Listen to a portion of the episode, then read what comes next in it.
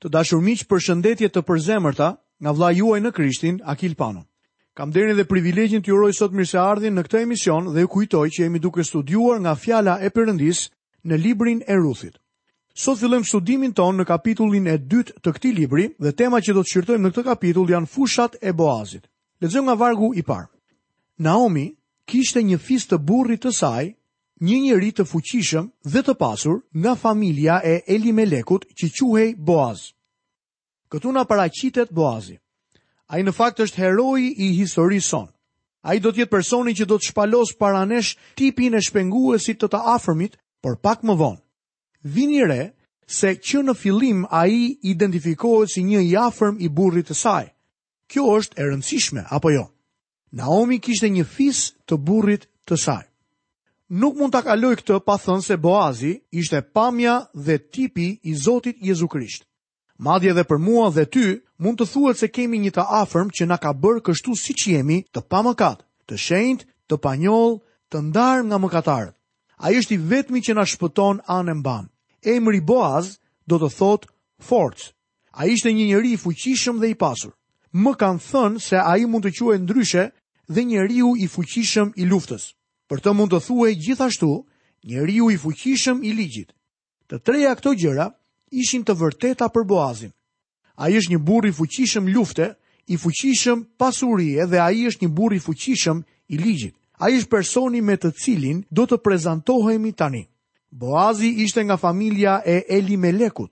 Lexojmë në vargun e dytë.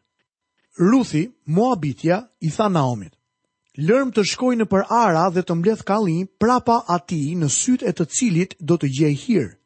Ajo iu përgjigj, shko bija ime. Këtu gjejmë një nga tre ligjet më të çuditshme. Them të çuditshme për ne sepse në sistemin tonë ligjor Nuk kemi asgjë të ngjashme që mund t'u korrespondojë. Të mblidhje kallëza gruri ose produkte të tjera ishte pjesë e sistemit të Moisiut. Kjo ishte dhe mënyra se si kujdesej Zoti për të varfrit. Në atë kohë, Naomi dhe Ruthi ishin gra të varfra. Vetë fakti që Ruthi thotë se do të shkojë për të mbledhur kallinj, tregon për varfërinë e tyre. Le ta shohim këtë ligj të çuditshëm. Ai deklarohet në vende të ndryshme, për shembull, e shohim në librin e Levitikut, kapitulli 19, vargjet 9 dhe 10. Kur do të korrni tokat tuaja, nuk do të korrësh deri në cepin e arës sate dhe nuk do të mbledhësh kallinjtë që kanë mbetur pas korrjes sate. dhe në vreshtin tënd nuk do të kthehesh prap, as do të mbledhësh bistakët e mbetur nga vreshti yt. Do t'i lësh për të varfrin dhe për të huajin. Unë jam Zoti Perëndia juaj. Ai shikoni. Perëndia u tha njerëzve të tij që duhet të kujdeseshin për të varfrit dhe ta bënin këtë në një mënyrë shumë të pazakontë. Perëndia nuk u jepte ndihmë financiare atyre. Ai nuk kishte një program kundra varfërisë që t'u jepte para. Mendoj se Zoti veproi në një mënyrë shumë të mençur. Atyre u duhej të shkonin dhe të mblidhnin. Ligji i drejtohej pronarit të tokës. Sërish shpallet i njëjti ligj tek Levitiku 23 dhe vargu 22.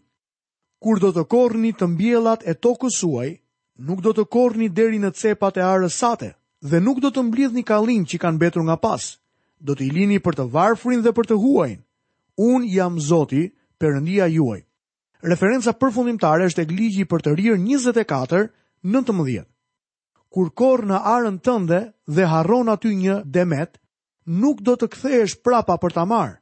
Do të jetë për të huajin, për jetimin dhe për gruan e ve. Kjo ishte mënyra e Zotit për t'u kujdesur për njerëzit e varfër të asaj kohe. Ai nuk u dha atyre ndihmë, nuk i vendosi në radhë për të marrë bukë, nuk i bëri pranuesit e një bamirësie, ai u dha diçka për të bërë. Atyre u duhej të punonin për atë që merrnin. Shikoni Perëndia nuk promovon dembelizmin. U duhej të shkonin nëpër ara dhe të mblidhnin kallinj dhe këtë duhet ta bënin me dorë. Nuk ishte si në ditët e sotme në vendin tonë. Kështu Ruthi veproi sipas këtij ligji që duket kaq i çuditshëm për ne. Ajo vinte nga të dyja kategoritë, të huajit dhe të varfrit. Ajo pyeti Naomin nëse mund të shkonte të mblidhte kallinj dhe Naomi e la të shkonte. Lexojmë vargun e tretë. Kështu Ruthi shkoi dhe nisi të mbledhë kallinjtë prapa korrësve dhe i rastisi të ndodhej në pjesën e arës që ishte pronë e Boazit, i cili i përkiste familjes së Elimelekut. Nëse do ta kishit parë Ruthin në atë kohë, në rrugët e Betlehemit, do të kishit parë vetëm një vajzë që nuk kishte asnjë ide se në cilën fushë duhet të shkonte. Si do ta gjente rrugën për të shkuar në fushën e Boazit? Do të jetë shumë e rëndësishme gjendja e asaj fushe. Nëse nuk e gjen, atëherë fare mirë mund t'u thoni dijetarëve se nuk është e nevojshme të vijnë në Betlehem për të parë Jezusin. Jezusi nuk do të lindte atje. Ju mund t'u thoni barinjve të qëndrojnë me tufën e tyre nëpër kodra, sepse ai nuk do të lindte në Betlehem. E shihni? Është shumë e rëndësishme që ajo të shkojë në fushën e duhur. Si do ta gjejë ajo fushën e dur? Kur isha në Betlehem, bëra një copë rrugë në këmbë. Ndoshta mund të mos kem ecur në rrugën e saktë ku eci Ruthi, por nuk duhet të kem qenë shumë larg. Ndërkohë që po ecja, fillova të mendoja për të. Mendoj se fushat e Boazit janë tashmë të lokalizuara. Ata ndodhen poshtë në fund të kodrës së Betlehemit. Betlehemi ishte një qytet tipik në Palestinën e asaj kohe. E gjithë ajo ishte ndërtuar mbi kodër dhe ky qytet i vogël Betlehemi nuk bënte përjashtim. Me sa duket, poshtë në fund të kodrës, në një luginë shumë pjellore, ishin fushat e Boazit. Kur Ruthi doli në rrugë atë ditë, nuk e kishte idenë ku do të shkonte. Shkrimi thotë dhe i rastisi të ndodhej në pjesën e arës që ishte pronë e Boazit. Sipas pikëpamjes së saj, ishte vetëm shans që u gjend në fushat e Boazit. Kjo na sjell sërish tek pyetja, Si e gjeti ajo rrugën për në fushën e Boazit, kur ishte kaq e rëndësishme që të shkonte në fushën e duhur? A mos vallë vendosi Zoti një shenjë stop dhe një sinjal ktheu djathtas, një dritë të kuqe apo jeshile, një pikë apo një shigjetë për në fushën e duhur? Jo. Po atëherë, mos vallë foli ndonjë zë nga qielli. Jo, asnjë zë nuk u dëgjua nga qielli. Dikush mund të mendojë se ajo ka pasur një vizion, por nuk pati asnjë vizion. Po si vallë do të shkojë kjo vajzë në fushën e duhur? Në rregull. Le të pyesim Ruthin. Unë do t'i thoja asaj, Ruth, jam i sigurt që do të kesh pasur një udhëheqje të përcaktuar për fushën e Boazit. Dhe ajo do të më përgjigjej, Në fakt, Jo. Do të ishte mirë të ktheheshe prapa dhe të lexoje edhe një herë librin e Ruthit. Thuhet se më rastisi të isha në fushën e tij. Thjesht ndodhi që shkova atje. Nga pikëpamja njerëzore, mund t'ju them se ishte një rastësi. Nga pikëpamja e Zotit, është diçka tjetër. Ai do ta drejtonte atë në fushën e duhur, por jo në mënyrën se si flasin shumë njerëz sot për të. Shumë njerëz flasin për vullnetin e Zotit, sikur sapo të kenë marrë një telegram nga ai prej qiellit me Western Union ose me DHL-në. Miku im, Perëndia nuk drejton në këtë mënyrë dhe nuk mendoj se ai ka drejtuar shumë vetë kështu. Në dhjatën e re, Perëndia i drejtoi disa njerëz në mënyrë direkte, por Ruthi nuk ishte një nga ata. Më duket se vendimi i Ruthit ishte vendimi më i rëndësishëm që u bë. Perëndia i tha Jonës, Ngrihu dhe shko në Niniv. Zoti gjithashtu i thotë Jeremias dhe Ezekielit të flisnin, por dua t'ju them këtë. Ajo që u tha të bënin këtyre njerëzve nuk ishte më e rëndësishme sesa vajtja e Ruthit në fushën e duhur, sepse lindja e Jezusit në Betlehem do të varej nga shkuarja e saj në atë fushë. Perëndia mbretëron mbi gjithçka dhe ai do ta drejtojë atë në sfond. Kjo është gjëja e mrekullueshme për vullnetin e Zotit. Nuk jam i sigurt nëse është e nevojshme për Zotin të na jap një hartë rruge. Ndonjëherë do të doja që ta bënte këtë dhe kam dëgjuar shumë njerëz që dëshirojnë të kenë një hartë drejtuese rrugësh. Ata thonë, ishte vullneti i Zotit që të bëja këtë dhe e dija që ishte vullneti i tij. Do të doja të isha po aq i qartë dhe i sigurt. Shkruesi i këtij studimi tregon që kur ishte pastor në Teksas, mori dy ftesa nga kisha të tjera, njëra në lindje të Teksasit dhe tjetra në perëndim në Kaliforni. Me thënë të drejtën, nuk dija se ku të shkoja. Jam i sinqertë me ju. U ula në dysheme dhe fillova t'i thërrisja Zotit të më tregonte se cilën ftesë të pranoja, por ai nuk më tregoi gjë. Nuk pata asnjë vizion. Pak më vonë dëgjova një predikues të bënte një deklaratë se nga të gjitha vendimet e marra në jetën e tij, tetëdhjetë për qind, mendoj se kjo është shifra që dha, ishin bërë pa e ditur se ishin vullneti i Zotit. Ai nuk e kishte ditur deri ca kohë më vonë. Pasi e dëgjova këtë, u ktheva në shtëpi dhe i thashë gruas se atmosfera ishte më e qartë dhe mendoja se duhet të shkonim në Kaliforni. Nuk isha i sigurt, por ndjeva se ajo ishte rruga drejt së cilës duhet të lëvizja. Për sa i përket vullnetit të Zotit për jetën tënde, nëse mendon se ai do të vendosë ndonjë dritë jeshile në çdo cep ose do të thërrasë nga qielli, je gabim. Ai nuk vepron në atë mënyrë. Kur dëgjoj njerëz që thonë kështu, e di që ka diçka të gabuar në ta ose po përpiqen të tallen me dikë. Por prisni një minutë. Ky predikues tha se më vonë do ta kuptonte nëse ishte vullneti i Zotit apo jo. Mendoj se Zoti ndonjëherë na lejon të shkojmë edhe në rrugë të gabuara, megjithëse vullneti i tij dhe dëshira e tij nuk është. Por dikush do të thotë, ti ndoshta po bën një vendim të gabuar. Kjo mund të ndodhë. Por interesantja është se nëse gjendesh para dy rrugësh dhe zgjedh rrugën e gabuar, asgjë nuk mund të të ndalojë të kthehesh prapa dhe të fillosh nga fillimi. Ti mund të jesh i sigurt për një gjë, Nëse ke përpara dy rrugë për të zgjedhur dhe në fillim zgjedh rrugën e gabuar, atëherë e di se cila është rruga e duhur. Në ditët e sotme është e habitshme se sa shumë njerëz e interpretojnë vullnetin e Zotit si rrugën më të lehtë, Epo nuk është gjithmonë rruga më e lehtë. Padyshim që nuk ishte e lehtë as për Ruthin. Nëse do të kishit pyetur Ruthin nëse ajo e dinte që po shkonte në fushën e duhur, ajo do t'ju ishte përgjigjur. Nuk e di për çfarë e ke fjalën. Nëse do ta kishit pyetur, pse zgjodhi atë fushë? Mendoj se ajo do t'ju kishte thënë, u luta për këtë. Para se të dilja nga shtëpia këtë mëngjes, i kërkova Zotit të më drejtonte. Në të vërtetë, nuk dija se çfarë rruge duhet të merrja, por zbrita këtu poshtë dhe hodha sytë në një fushë me grurë të bukur, por që nuk kishte shumë njerëz të varfër që mblidhnin kalli. Kështu që mendova se me siguri pronari do të ishte dorështrënguar, por në anën tjetër të rrugës Pashë shumë njerëz që mblidhnin kalli. E kuptova që ai njeri duhet të ishte zemërgjerë dhe doja të isha në atë fushë, sepse unë jam një moabite, një e huaj, e dëbuar dhe nuk doja të më nxirrnin jashtë, kështu që zgjodha këtë fushë. Mendoj se në momentin kur ajo i është afruar fushës dhe ndoshta për ndonjë minutë mund të ketë hezituar, engjëjt mbrojtës të qiellit do të kenë qenë duke mbajtur frymën. Ata ndoshta kanë thënë, shpresojmë të shkojë në fushën e duhur. Ajo shkoi në fushën e duhur. Dhe mendoj se i gjithë qielli lëshoi një psherëtimë lehtësuese kur e pa duke shkuar në fushën e Boazit. Perëndia është gjithësunduesi. Ruth ishte disi e pasigurt, por nga ana tjetër ishte marrëveshja fatlume e Zotit të plotfuqishëm. Një nga gjërat e lavdishme, ndërkohë që kalojmë në këtë botë, është të dimë se kohët tona janë në duart e Tij.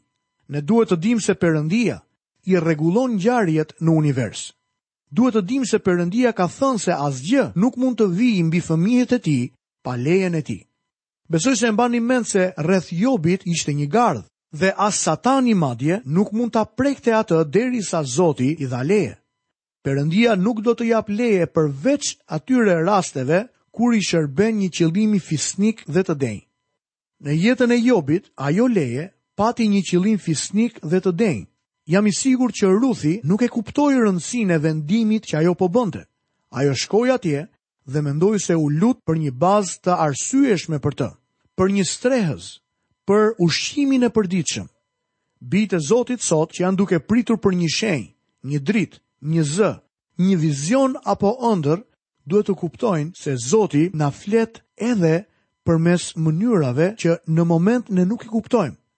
Perëndia na flet përmes Fjalës së Tij. Ai bir i Perëndisë që ecën në marrëdhënie me Të, pa mëkate të papohuara në jetën e tij dhe që nuk e ka fyer Shpirtin e Shenjtë, mund t'ia përkushtojë jetën Zotit. Dhe kur të arrijë në atë pikë ku nuk është i qartë se cili është vullneti i Zotit, le të marrë një vendim dhe të lëvizë drejt situatës. Ndoshta mund të marrë vendimin e gabuar, Por Perëndia e ka lejuar për një qëllim të caktuar. Ndërkohë që hedh sytë mbrapa në jetën time, më kujtohet një çast kur po prisja që Zoti të hapte një derë për mua, por Ai nuk e hapi. Në fakt, ma përplasi në fytyrë, gjë që më bëri të ndihesha shumë keq.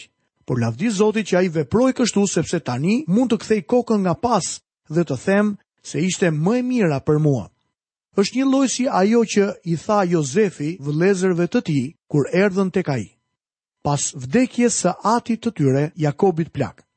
Në librin e Zanafillës na thuhet: Ju keni kurdisur të këqija kundër meje, por Perëndia ka dashur që t'i shërbejë së mirës. Sa e mrekullueshme që është kjo dhe shpresoj që të jetë një inkurajim për ju sot. Ndoshta jeni duke kafshuar gishtërinjtë tuaj dhe duke pyetur se përse nuk keni një drejtim të qartë. Të krishterët që veprojnë në mënyrë të tillë kanë një lidhje direkte me qiellin. Është e mrekullueshme që të gjithë ne kemi hyrje tek Perëndia, por nuk jam i sigurt që ai na kthen përgjigje gjithmonë. Pra le të jemi shumë të kujdesshëm për mënyrën se si e themi këtë deklaratë, e di që është vullneti i Zotit. Nuk mund të jemi gjithmonë të sigurt, por mund t'ia përkushtojmë rrugët tona, të mos e lëndojmë shpirtin e shenjtë dhe të jemi në qendër të vullnetit të Zotit.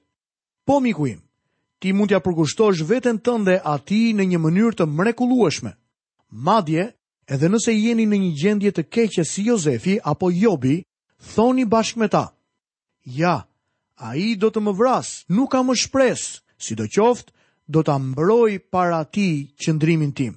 Miku im, kjo është e vërteta e lavdishme që sjell gëzim dhe shpresë në jetë. Maturia e Zotit e bën çdo ditë një emocion për fëmijët e tij. Jam i gëzuar që Ai nuk më ka dhënë një plan, sepse sinqerisht më pëlqen të ndërmarr udhëtime në rrugë të reja dhe zona të reja që nuk kam qenë më parë. Lexojmë në vargun e katërt.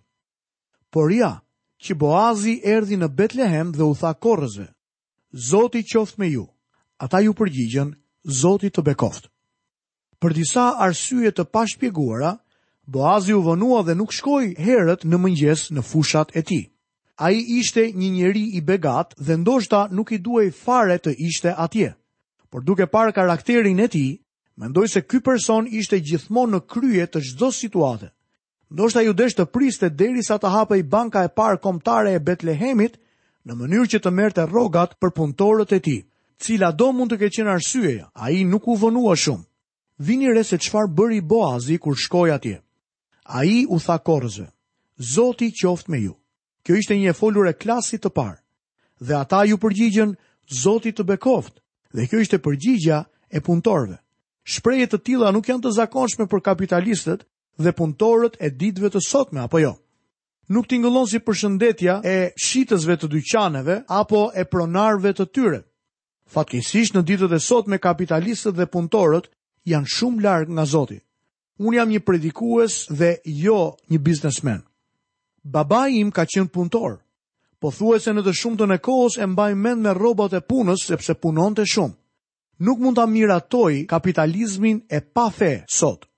Duke dëgjuar ata, kam kuptuar se shumica e drejtuesve të sotëm janë të pafe. Unë nuk mbaj anën e askujt. Do të doja që në këtë fushë të hynte krishterimi i vërtetë, rilindja shpirtërore. Me siguri do të ndihmonte çdo marrëdhënie. Ju do të dëgjonit fjalë nga punëdhënësit, Zoti qoftë me ju. Dhe përgjigja e punëtorëve do të ishte Zoti të bekoftë. Çfarë marrëdhënie të mrekullueshme punëdhënës-punëmarrës ekzistonte në fushat e Boazit. Të dashur miq, studimin tonë mbi librin e Ruthit do ta vazhdojmë sërish në emisionin e ardhshëm. Nga vëllai juaj në Krishtin Akil Pano, Perëndia derdhtë pasurisht mbi ju paqen dhe bekimin e tij. Bashkë mirudëgjofshim në emisionin e ardhshëm.